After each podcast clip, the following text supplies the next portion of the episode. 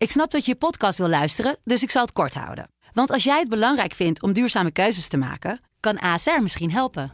Nou hoor ik je denken, hoe dan? Nou, bijvoorbeeld bij het duurzaam herstellen van schade. Of de premies die we beleggen volgens ons duurzaam beleggingsbeleid. Dat bepaalt waar we wel en juist niet in investeren. Wil je meer weten over welke duurzame keuzes ASR maakt? Ga dan naar asr.nl slash duurzame keuzes. ASR doet het. Zo, dan kan je nu lekker naar je podcast luisteren. Dit is, dit is het land van Wierde. Als er getornd gaat worden aan de taal, moet je altijd oppassen, want dan krijg je oorlogachtige toestanden. Hè? Podcast van de Telegraaf met analyses op het nieuws die u elders niet hoort. Ik was nog nooit in mijn leven in Zaltbommel geweest. Alleen, het, kno alleen het knooppunt zeker. Dat je vast, dat je daar vast staat bij Zaltbommel op de Ja. snelweg. Een somber vooruitzicht eh, zo aan het einde van deze podcast. Zo eindigt de podcast eigenlijk altijd Ja, in dat- grote somberheid. Dat is wel waar, ja. Met Wierde en Robert Ophorst. Ja, alleen dan niet met Robert Ophorst. Die is hopelijk nu op vakantie of hij staat nu al bijna 48 uur in de rij op Schiphol. Dat zou ook zomaar kunnen deze dagen. Dat laatste is waarschijnlijk. Ja, maar eh, ik- nee, ik mag weer eens eh, hier op deze stoel eh, plaatsnemen. Mijn naam is Kamran Oela. En Robert is er twee weken niet, dus ik mag er twee keer tegenover Wiert zitten. Ja, tot een jingle is hij weg dan. Ja, die oude jingle die is, die is verdwenen. Het is allemaal Mm. helemaal in een modern, hip jasje gestoken. Mm. Ja, dat, dat, dat past mij natuurlijk niet. Nee, nee hoor. Eh, ehm, het is de aflevering van donderdag 2 juni 2022, hoor ik dan even te benoemen. Maar we nemen het op op 1 juni. Ja. Eh, ja, en dat is wel belangrijk om te benoemen, want eh, je bent toch een beetje droevig wakker eh, vanochtend. Omdat de dijk ermee ophoudt, Ja. bedoel je? Nou ja, kijk, bijna zolang ik leef, nou ja, niet helemaal, maar is de dijk er. ik leef wel een stuk langer. Maar, ehm, eh, en dat was toch eh, een, eh, een van de meest kenmerkende Nederlandse popbands natuurlijk van de afgelopen decennia. En ehm, het leuke is dat ik, toen ik in Moskou woonde, heb ik de, dijk daar ook nog eens een keer zien optreden. En die, in mijn herinnering was het in een kelder, maar in de herinnering van een vriend van mij in Moskou was het op de ambassade en vlogen ongeveer de sponningen en de kozijnen uit, uit het ambassadegebouw, wat overigens een heel mooi oud gebouw was.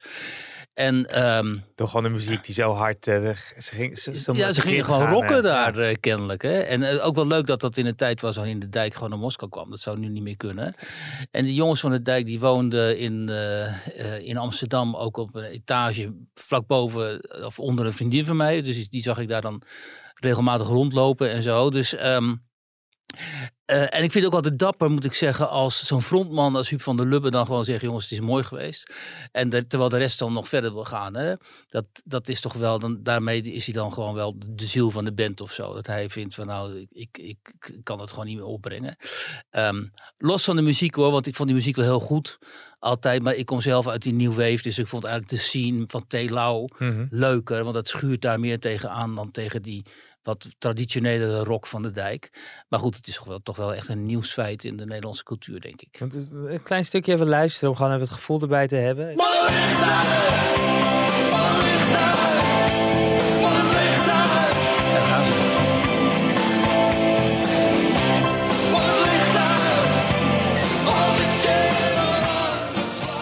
zegt wel, daar gaan ze. Dit is al nummer wat... licht gaat eh, uit, ja, dat kan altijd wel. Maar nu Ja. is het helemaal eh, mooi. eh, mooi Ja, die teksten waren altijd wel een beetje obligaat natuurlijk. over de stad en de regen. En ik dwaal door de stad en zo. En dan Maar- zie je altijd dat druilerige Amsterdam voor je. Maar goed. Maar niet zo erg als, de bluff, als, als bluff. Maar, Nee, bluff, nee. nee, maar, maar laten we niet. Laten we bij, dit is schoenmaker blijft bij je lezen. Laten we het gewoon bij de onderwerpen ja, laten we houden. niet over die, bluff beginnen. nee, nee, nee, nee, nee. Die, laten we het gewoon over de onderwerpen hebben die, die ook passend zijn bij deze podcast. Eh, we gaan natuurlijk straks eh, eh, hebben over waar je deze week geweest bent. Je hebt een, een, verhaal deze week in de Telegraaf. vandaag op deze woensdag. over woke op de, onze universiteiten. En Paul Cliteur had eerder deze week ook Ja. een verhaal bij ons in de krant. Dus daar moeten we ook even over hebben. Maar misschien toch even beginnen met ja, de, de, de, ophef eh, van de week. eh, eh, en, en dit is geloof ik meer een ophef eh, elke dag wel weer. Maar een ophef die, die er ontstond rond, naar aanleiding eigenlijk van ongehoord... eh, eh, Ja. ja de, de afleveringen waar omvolking in voorbij komt. Zullen we eerst naar het Ja, fragment precies. luisteren in de Tweede Kamer? We horen Martin Bosma in de, de aanleiding van Sjoerd Sjoerdsma. Ja, voorzitter, als de heer Bosma en de, heer P- en de PVV wil uitleggen waarom zij deze extreemrechtse omvolkingstheorieën aanhangen, van harte welkom. Maar niet in dit debat, geen steun. Het is een natievergelijking. Het is een natievergelijking. Ja, Hier horen we dus alles fout gaan. Dit was dus naar aanleiding van kritiek van Robert Dijkgraaf, minister van ook uh, radio en tv, zeg maar. Die een mening had over ongehoord Nederland. Daar was in een talkshow uh, Philip de Winter aangeschoven. En die was begonnen over uh, omvolking. En, en, daarmee wordt dan bedoeld dat de oorspronkelijke bevolking van Europese landen worden, zouden worden vervangen door uh, immigranten. En dat daar een plan achter zou zitten. En nou, dat leidde tot ontzettend veel ophef, want het is een natietheorie, die omvolkingstheorie. En uh, dat mocht allemaal niet. En Robert Dijkgraaf die had er ook als mens mee, als burger een mening over. En toen zei Martin Bosma, ja, eh, wacht eens even, dat kan niet. Hij spreekt er als minister en dan kun je ook niet nog eens een keer een andere mening hebben als mens. Dat deed denken aan minister Nawijn nooit. Hè? Die zei, als mens ben ik voor de doodstraf, als minister ben ik tegen ja, de doodstraf. Ja, dat was die Nawijn inderdaad. En nou ja, kijk, staatsrechtelijk is dat inderdaad niet, niet correct. sorry. En, um, en Bosma wilde daar een debat over. En toen kwam de Sjoerd Sjoerdsma, de pitbull van de van D66-fractie, die kwam naar voren. En die zei, uh, D66 heeft helemaal geen behoefte aan zo'n debat. Uh, de minister is natuurlijk ook van D66. En als jullie in die omvolkingstheorie willen geloven, dan moet je dat maar doen. Uh, maar wij gaan er niet mee. Dat is wat hij ongeveer zei. Hè? En toen sloeg Bosma natuurlijk enorm aan. Omdat in feite Sjoerdsma hier, de PVV, ervan beticht nazi-theorieën aan te hangen. En helaas had de voorzitter van de Tweede Kamer dat niet in de smiezen. Dus die liet het uh, afweten hier. En toen ging uh, Caroline van der Plas, die viel ook in. En die viel Bosma bij. En die zei, ja, dit kan niet, het is mm. ongehoord en zo. Uiteindelijk uh, vond uh, Vera Bergkamp, de voorzitter, dan ook van dat dit toch helemaal niet kon. En heeft ze Sjoerd Sjoerdsma erop aangesproken. Maar, ja, daar stond hij als een puppy bij, hè? Want je noemde ja. net de pitbull. Ik, ja, het was toch een puppy. Ja, maar hier gaat dus alles mis. Hè? Ten eerste dus dat Sjoerdsma dit frame legt op de PVV. Wat ongepast is natuurlijk. En, maar ook dat hele gedoe over die omvolkingstheorie. Want kijk, um, op rechts wordt natuurlijk heel veel gesproken over de immigratie, de massa-immigratie, daar komt het neer van de afgelopen decennia, naar uh, westerse landen. En ook nu, hè, um, op, op, dit moment, alle um, netto bevolkingsgroei die we hebben in Nederland, dat komt door immigratie. Nou, dat is een enorm probleem met die statushouders en de huisvesting, gaan we het zo meteen over hebben. Uh, en als je naar steden als uh, Rotterdam gaat, maar ook uh, hè, in het buitenland, Marseille of in Duitsland, Berlijn en in het Roergebied en zo, dan is het natuurlijk volstrekt duidelijk dat er demografisch enorme veranderingen zijn voorgevallen de afgelopen decennia. Dat ziet een kind. Hè? Dat, ja, een kind ziet dat niet, want die is dat gewend. Maar als je wat ouder bent, dan zie je dat dus wel. Dan zie je mhm. dus gewoon hoe Nederland en andere landen enorm veranderen onder invloed van die demografische, uh, of demografische veranderen onder invloed van die immigratie. Um, daar moet natuurlijk over gesproken worden. Hè. Mensen als Jan van der Beek en Jan Latte en zo, die proberen dat ook steeds. Die wijzen steeds dat die bevolkingsgroei, die moet worden aangepakt. Er moet een bevolkingspolitiek komen. Immigratie moet anders, want we kunnen niet al die mensen hier meer huisvesten. Dus moeten zo doen als Denemarken, bijvoorbeeld asielzoekers ergens in Afrika uh, onder dak brengen en dan kijken of ze recht hebben op asiel of niet.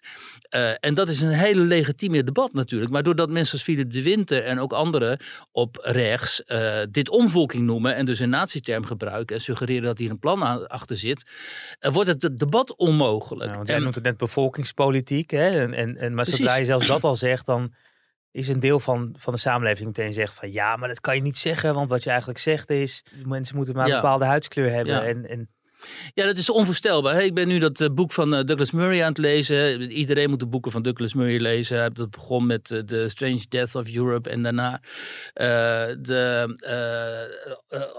moet ik hem even opzoeken voor je? Dat, nee, over, dat ging over Woke, de Masters, hoe heet dat? Ik vergeet die titels altijd. Um, uh, ik, even nadenken hoor. Of the Mass of the Crowds.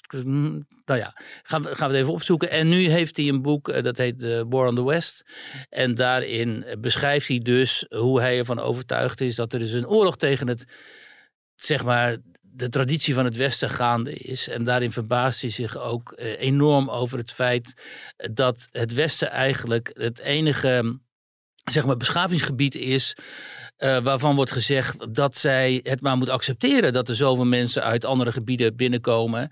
En dat die moeten worden opgenomen. En dat wij de morele plicht hebben om die mensen onderdak te, onderdak te geven en zo.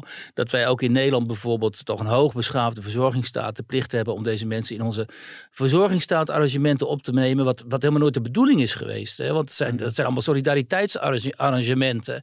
Die gaan ervan uit dat als je hier woont en lang belasting betaalt, dat je solidair bent met de zwakkeren. Maar niet dat allerlei mensen die zomaar binnenkomen daar dan uh, in kunnen in, instromen.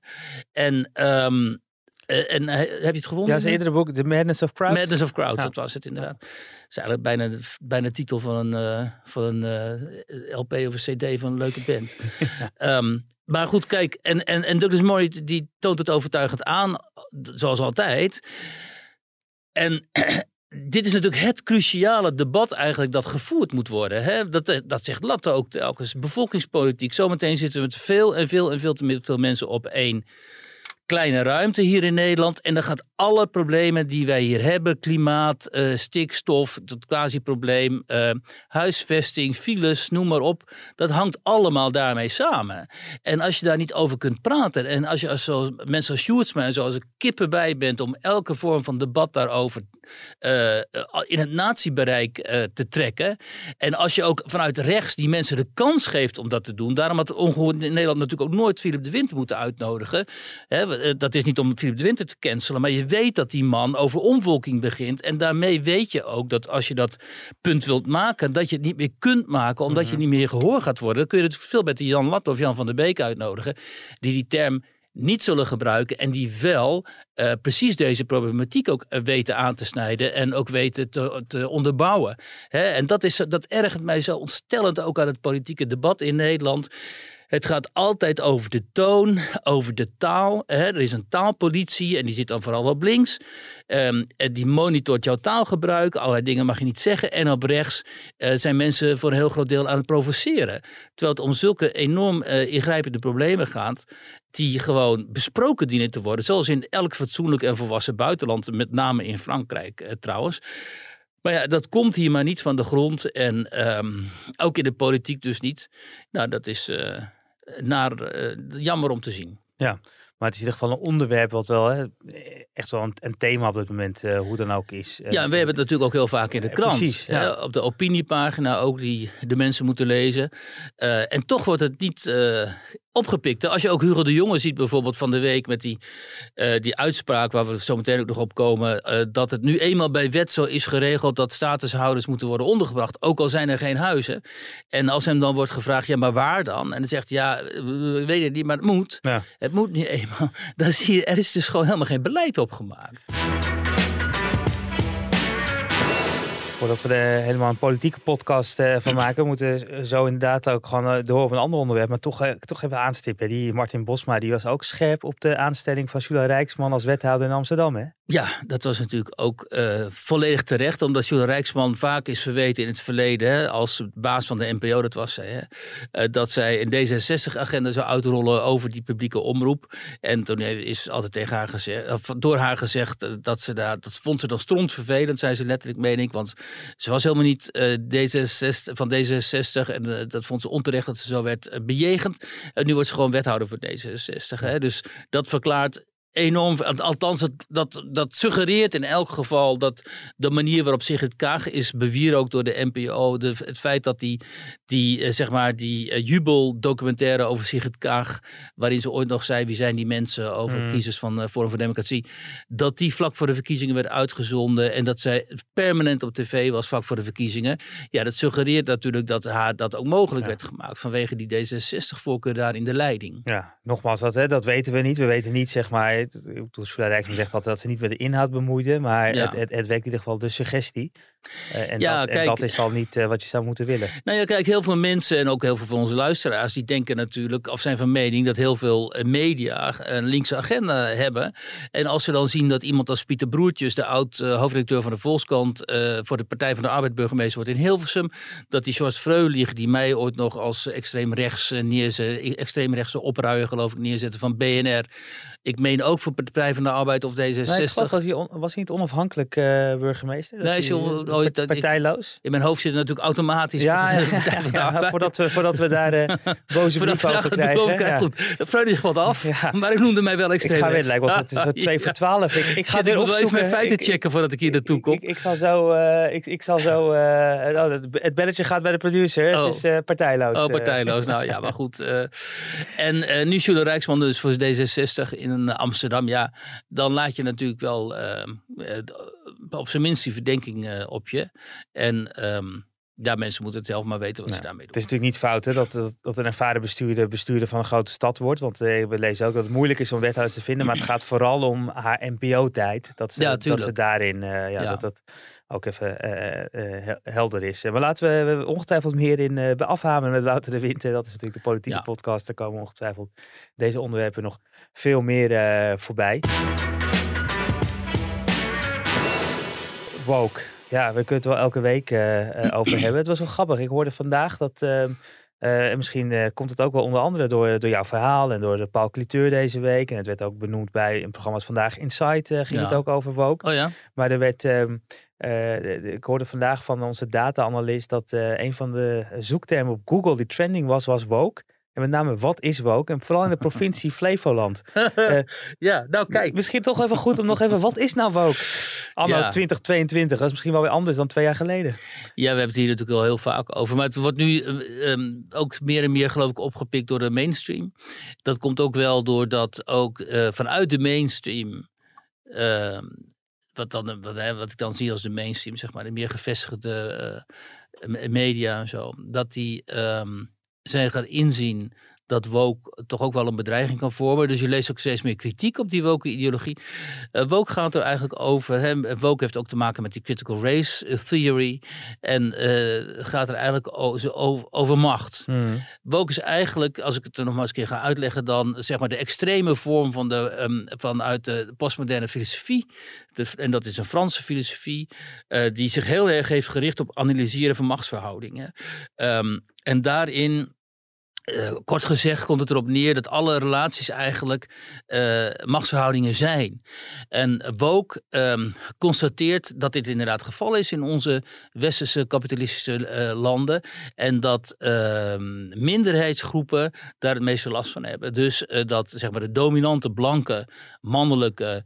Dat, dat ethos, zeg maar, dat, dat dat overheerst en dat dat een machtsstructuur is waarbinnen die eh, minderheidsgroepen, hè, dat kunnen al vrouwen zijn of homoseksuelen of transgenders, hè, die staan nu aan de frontlijn van, het woken, van de wokenstrijd, maar ook eh, moslims, eh, gehandicapten ook, LGBTQ, die hele alfabetserie. Dat zijn de minderheden die worden onderdrukt eigenlijk in die, in die, in die, structuur, in die machtsstructuur. En het is tijd dat die minderheden dat beseffen, dat ze zich emanciperen en dat ze eh, de macht overnemen. Daar komt het eigenlijk op neer. En als jij een minderheid bent, dan als je behoort tot de minderheid, dan ben je automatisch niet een individu. eh, maar dat is eigenlijk heel marxistisch. Maar je bent eh, lid van die groep. Dus je kunt je niet, eh, kijk, jij bent dan bij wijze van spreken eh, donker. En omdat je dan dus een, een mens van kleur bent, behoor je automatisch tot die groep en kun jij niet je daaraan onttrekken. Dus je kunt je niet aan zeg maar, de, de eigenschappen van die groep onttrekken. Dus je bent altijd slachtoffer en onderdrukt, ook al ben je inmiddels adjunct hoofdredacteur van de Telegraaf. Dat is dus de ironie ervan, weet je. Dat is... ehm, en, en dat is dus een hele totalitaire ideologie. Want het geeft je niet de ruimte om individu te zijn. Het maakt mij als blanke man van oudere leeftijd met een eh, redelijke opleiding en een fijne job eh, automatisch tot een onderdrukker. En het maakt jou als eh, donkere man automatisch tot slachtoffer. En, Daar ehm, gaat het om. Het is belangrijk. Het, het gaat echt nu machtsstructuur. Juist. Kijk, het is eh, eh, eh, dat er onderdrukking is. En dat, bedoel, Tuurlijk, het staat buiten kijf, racisme, het is ja, allemaal buiten we hebben kijf. Deze week nog bij de fiscus Ja, weer gezien. ja, Er was sprake tuurlijk. van institutioneel racisme, wordt, wordt nu gezegd. Maar het, het, het, het gaat echt om die. Ja. Maar het gaat dus ook om dat je per definitie, dat zit er toch dan ook in, hè, dat je per definitie als blanke hetero eh, Ja, daar kun je eh, niet aan onttrekken. Exact. Ja. Ja. Dus als je dan zegt als blanke, als je een vingertje opsteekt als blanke man van, joh, eh, ik ben niet racistisch, Hm. dan zeggen zij tegen jou, check your white privilege, je bent het wel. Per En definitie. Per definitie. En je mag aansluiten achter in de rij. Dan mag je naar ons luisteren. We will educate you. We zullen je wat het in principe gebeurd met Joris Luijendijk. Hè, toen hij dat boek, die zeven vinkjes, eh, publiceerde. Toen dacht hij eh, goede sier te kunnen maken. Bijvoorbeeld bij Buitenhof. En er zaten een paar van die woke mensen tegenover. Maar die zei tegen Sylvana Simons volgens Hmm. mij. En die maakte hem er nadrukkelijk, wees hem er nadrukkelijk op. Dat hij eigenlijk gewoon moet achteraan sluiten in de rij. En eigenlijk over dit soort zaken zijn mond moet houden. Want juist het feit dat Joris Luijendijk natuurlijk een bij uitstek geprivilegeerde witte man. dit boek ging schrijven. omdat hij bij The Guardian waar hij werkte. een beetje lullig was behandeld door anderen die hem niet zagen staan. Ja, dat was voor hun natuurlijk het ultieme bewijs van hoe geprivilegeerd hij eigenlijk Ja. is. En dat hij dus over dit soort hele serieuze kwesties zijn mond moet houden. En daarin, daarin hebben ze natuurlijk ook wel een punt. Eh, want het is natuurlijk ook heel lastig voor mij als witte man om te begrijpen, als blanke man, om te begrijpen wat het is om puur op basis van je huidskleur eh, gediscrimineerd te worden. Want- Zeker, maar, maar, wat, maar wat, wat ik was, eh, om het, op- en dan ook naar de stap te maken naar deze week. Maar als, we, eh, als ik het goed begrijp, dan krijg je natuurlijk dan wel dat als jij bent uit een eh, sociaal-economisch eh, ehm, eh, benadeeld milieu komt. ja, ehm, hè, dus dus, dus je, je vader is havenarbeider Ja. geweest, je moeder was huisvrouw. En jij bent uiteindelijk opgeklommen tot de baas van diezelfde haven. ja. Nou, dan, moet je dan, dan, dan telt dat niet, want jij bent gewoon, je wordt afgerekend op je huidskleur. Ja, dat in de eerste plaats. Als je in het geval dat wanneer je donker bent, telt dat inderdaad niet. In als geval dat je blank bent, dan mag jij je sociaal-economische achtergrond, hoe gedepriveerd die ook is, eh, niet opwerpen als het thema. Mhm. Je mag niet zeggen, luister eens, mijn klasse, mijn, onder, mijn blanke onderklasse, is helemaal niet geprivilegeerd. Want dan gaan ze zeggen, jawel, je bent altijd nog geprivilegeerder boven de eh, zwarte onderklasse of de transgenders en noem maar op. Dus er is een hele hiërarchie in slachtofferschap. En ehm, om terug te komen nu op het onderwerp van deze week. eh, omdat ze dus eigenlijk, omdat woke dus, en daarom is woke ook zo gevaarlijk. Het eh, ondermijnt dus niet alleen de structuren in de, in, in de samenleving en de westerse samenleving zoals wij die kennen. En die voor een groot deel ook gewoon wenselijk zijn. Voor een deel natuurlijk ook niet. Hè? De, de uitbuitingen, al die dingen, noem maar op en zo. Maar alle dingen die niet wenselijk zijn, dat zit er vooral in het sociaal-economische bereik. Maar ze ondermijnen eh, de, hele, de, de gehele westerse samenleving omdat ze die verwerpen, niet accepteren, tot en met de taal.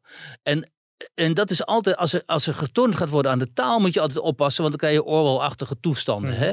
Want wat gebeurt hier nu? Ze, ze accepteren dus ook niet meer de categorie vrouw, man, noem maar op. Want dat vinden ze ook. Eh, eh, dat zijn ook machtscategorieën in hun, in hun ogen.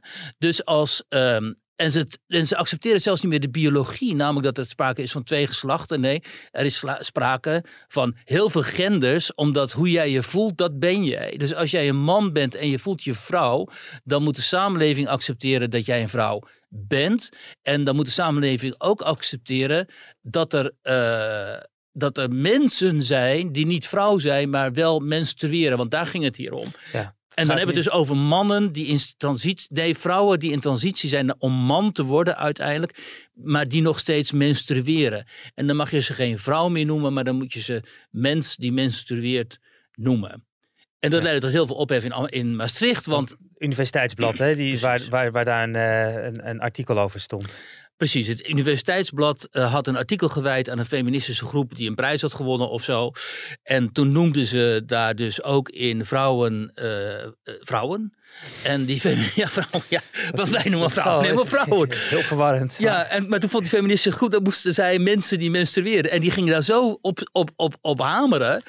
En ging zo dat universiteitsblad intimideren. En ze hingen posters in de stad op waarin stond dat dit universiteitsblad, wat meen ik de Observant heet, Mhm. dat die transfoob waren, de leden van de redactie, eh, dat dat helemaal uit de hand liep. En toen wist natuurlijk de leiding van de universiteit niet wat ze daarmee aan moesten. Want die, die leiding van de universiteit, en dat is een beetje punt wat we wilden maken, is ook onder invloed van al die in, druk en zo enorm woke geworden. Dus ook die, die, die, die, eh, universiteit, in Maastricht had helemaal dat Black Lives Matter discours overgenomen en had Zwarte Piet al verworpen en wilde ook erg inclusief en divers zijn en zo, want dat is dan hè, de politiek die erachter zit. Je moet eh, diversiteitspolitiek voeren. Maar dit werd hen te gortig. Dus toen heeft de, de rector magnificus, die heeft gezegd, jongens, we gaan nu even een pauze want dit wordt allemaal, dit wordt te gek. En in Utrecht heeft ook de rector magnificus, nou, magnific- magnificus al gezegd, joh, die woke cultuur, daar moeten we toch wel afstand van gaan nemen. En dus uiteindelijk dringt het nu toch ook wel, denk ik, in die toplagen door die zo graag zeg maar links, progressief en woke willen zijn, dat je misschien ook wel eens een keer een paard van Troje zou kunnen hebben binnengehaald.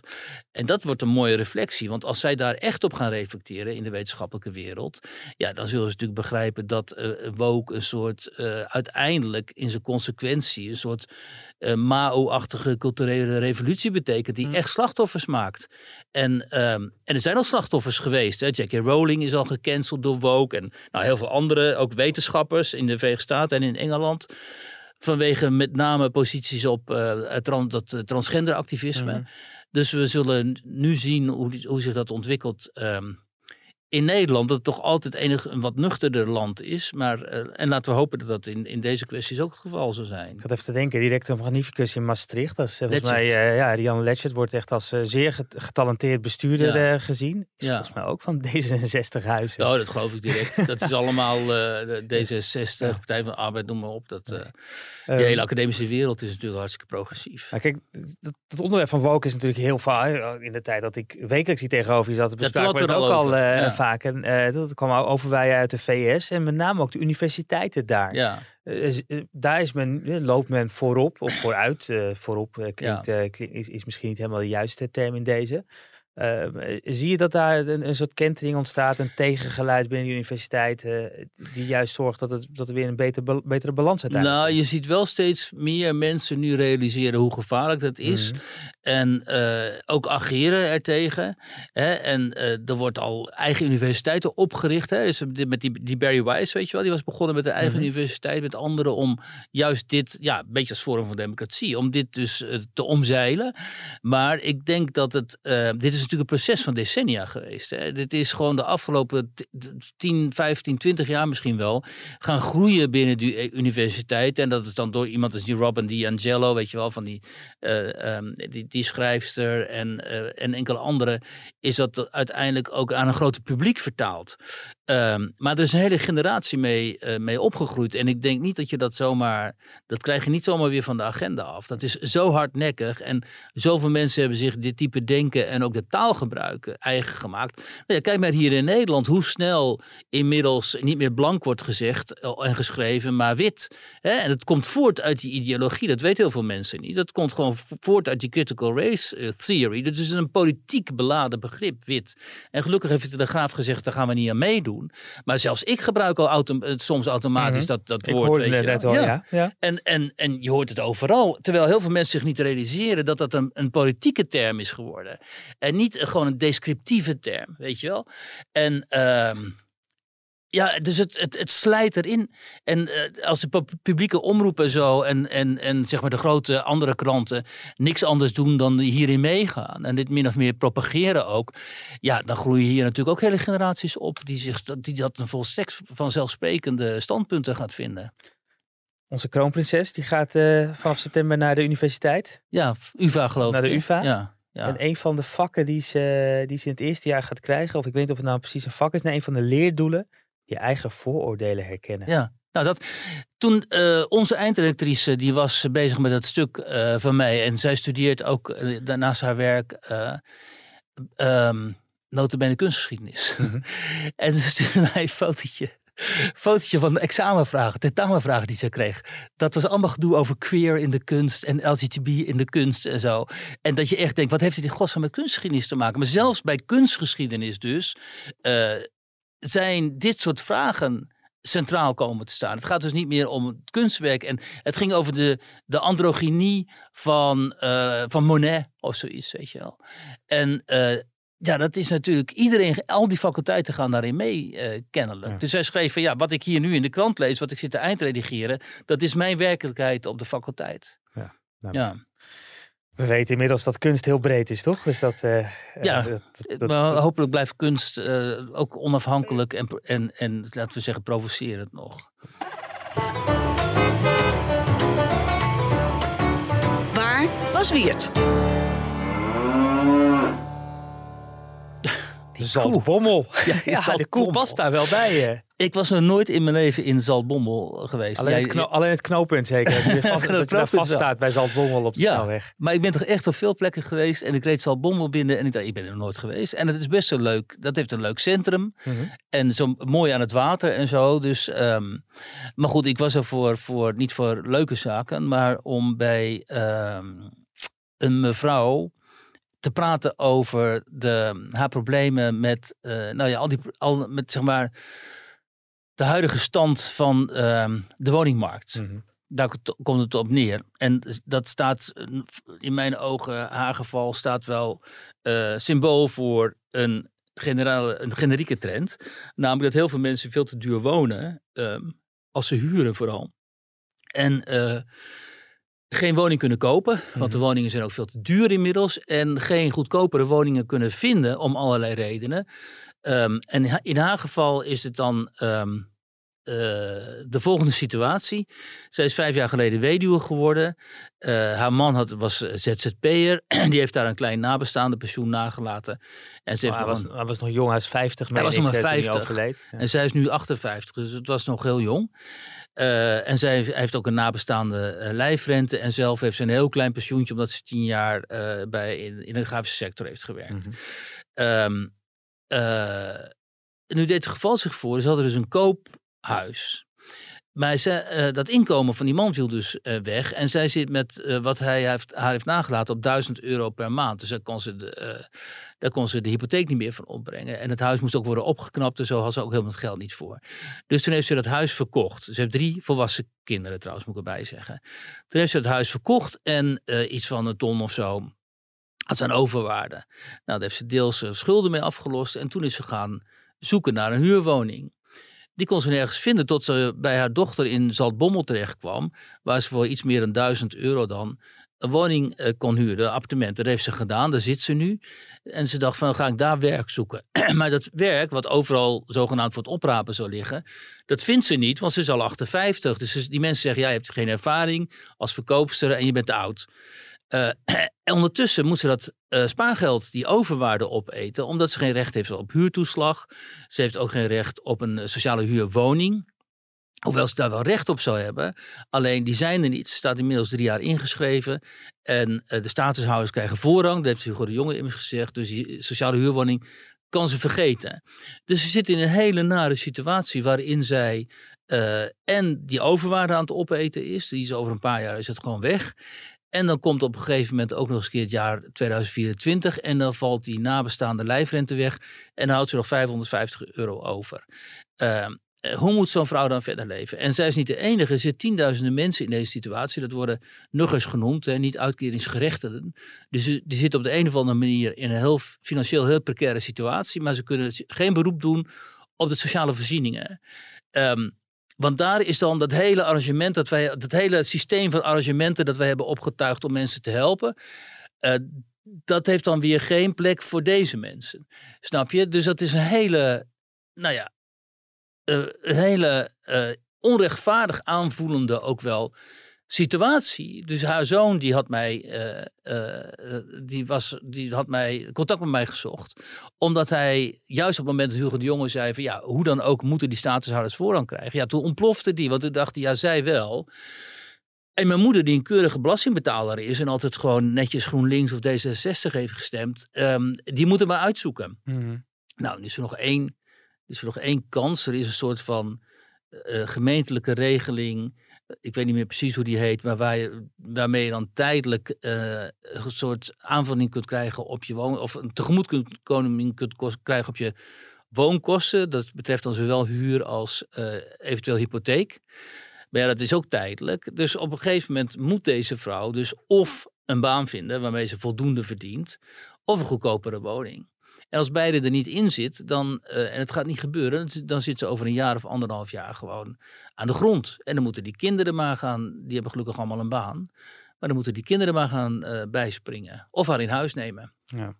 Nou, dit is natuurlijk een van die schijnende voorbeelden die, waar je, waarin je ziet hoe die woningmarkt helemaal vastzit. Nou, hoe we tegelijkertijd, waar we het eerder over hadden, problemen hebben met de bevolkingsgroei. Ja. En met de aanwas van, eh, eh, van, eh, nou, van, van Oekraïnse vluchtelingen nu, van, nu eh, van, van asielzoekers die, Ja. eh, die in het systeem hier jaren vastraken, eh, omdat we dat nog maar niet eh, eh, vlot weten te trekken. En uiteindelijk allemaal weer drukt op, op, op, gewoon op dit soort eh, gevallen.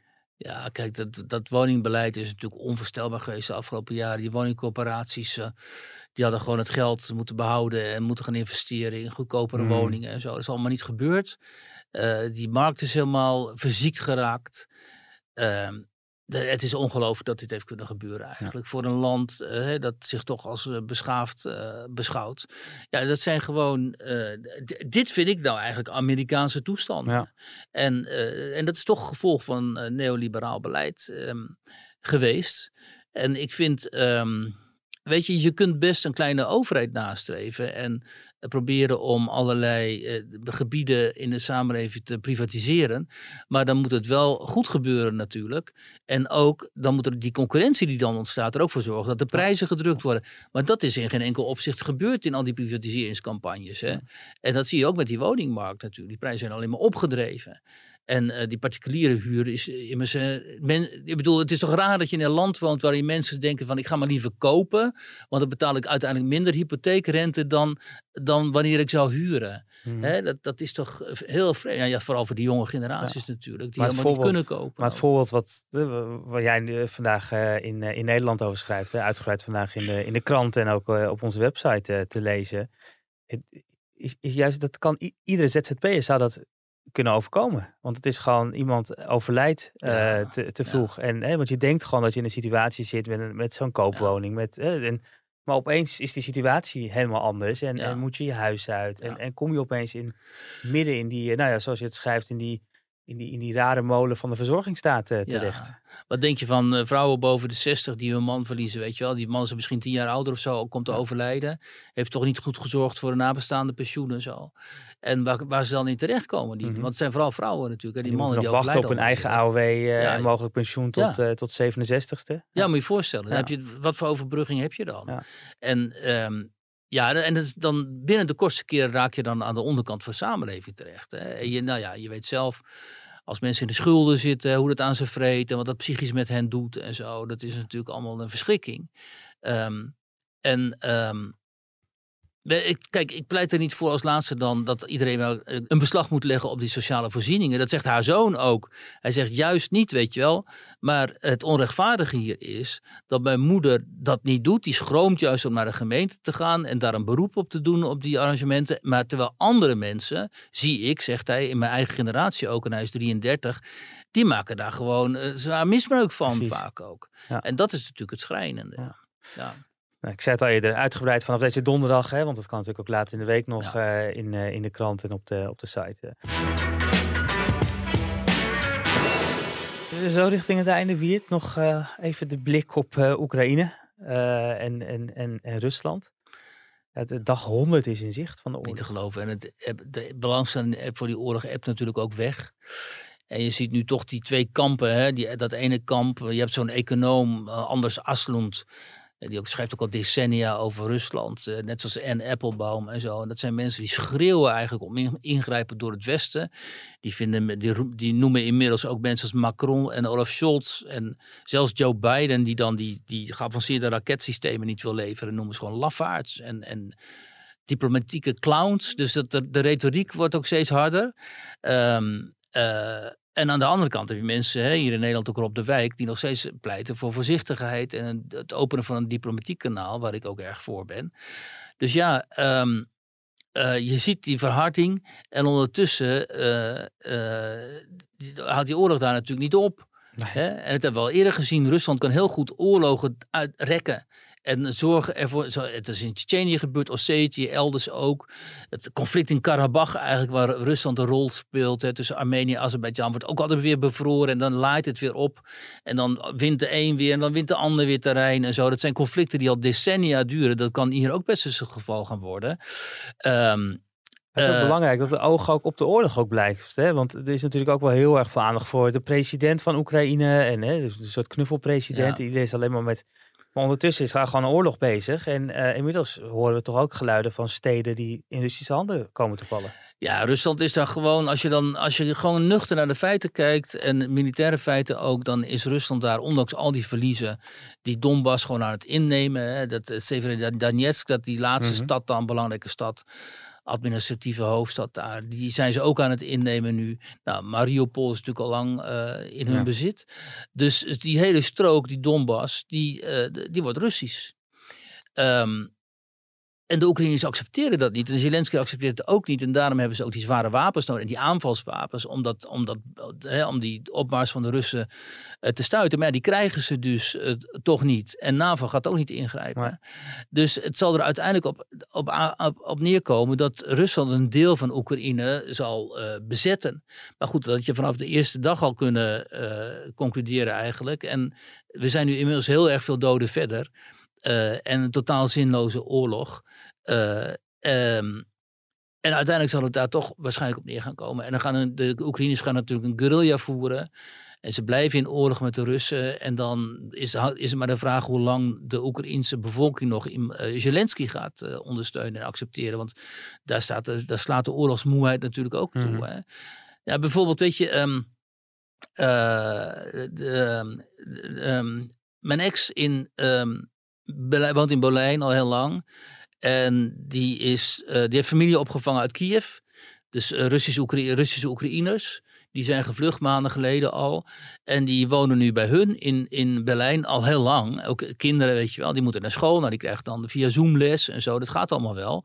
Maar ja, die moeten natuurlijk ook overleggen nu van wanneer ga je terug? Ja. Of ga je in Duitsland blijven? Kijk, ze krijgen best veel geld van de overheid, die families daar. Dus die krijgen waarschijnlijk krijgen voor 400 mar- eh, mark, euro. Mark, dat zou het zijn. Jezus, mark, euro. Eh, en dat is meer waarschijnlijk eh, dan wat ze daar in Kiev verdienden. Hmm. Dus die staan ook niet te trappelen om naar huis te gaan natuurlijk. En nou ja, zo zijn er zo krankzinnig veel inmiddels vluchtelingen en vluchtelingengeschiedenis en geschiedenissen en vragen van Oekraïners van ja, wat gaan we nou doen? Gaan we hier blijven? Gaan we terug? Kunnen we dat land opbouwen? En dat is de, de strategie of de tactiek altijd van Moskou. Maak het hen onmogelijk om dat land weer op te bouwen. Maak het hen ook onmogelijk om lid te worden van de NAVO. Want landen die in een conflict verwikkeld zijn, ook al is het een frozen conflict, die kunnen geen lid worden van de NAVO en zo. En zo krijgen die Russen uiteindelijk toch in ieder geval voor een deel hun zin. Destabiliseren is iets wat ehm, Poetin, eh, KGB'er natuurlijk, enorm goed kan. Dus al die mensen die zeggen, ja, Poetin heeft zich verrekend en zo, dat heeft hij waarschijnlijk ook wel, want hij wilde misschien wel Kiev innemen. Maar uiteindelijk zal hij er toch in slagen, vrees ik, om Oekraïne voor een hele lange tijd eh, te destabiliseren. En ehm, ja, en dan, dan, dat wordt een hele lastige eh, opdracht ook voor het Westen dan, om al die sancties in stand te houden die ook onze bevolkingen gaan raken, hè, Mhm. zoals die olieboycott en zo. En dan is het maar de vraag hoe lang eh, westerse electoraten nog eh, dit soort, of deze regeringen blijven steunen. Nou, dat is een somber vooruitzicht zo aan het einde van deze podcast. Zo eindigt de podcast eigenlijk altijd, Ja, in dat- grote somberheid. Dat is wel waar, ja. ja. Ja, dat is, eh, dat- daar moet ik een verandering aan brengen. Als we een groter publiek willen bereiken, moeten we wat, toch iets, wat, vrolijke postka- podcast gaan verzorgen. optimistisch, eh, een soort optimistisch geluid aan het einde hebben, hebben nodig. Maar dat zit er op deze manier op dit moment niet, eh niet Ik in. eh, zal volgende week wat bedenken dan. Kijk, heel goed. Nou, volgende week eh, treffen wij elkaar weer hier. Want eh, ik, ik mag volgende week nog, eh, nog een keer op deze stoel plaatsnemen. En eh, we hopen dat, eh, dat u dan ook gewoon weer eh, luisteren van de partij bent. En tot dan.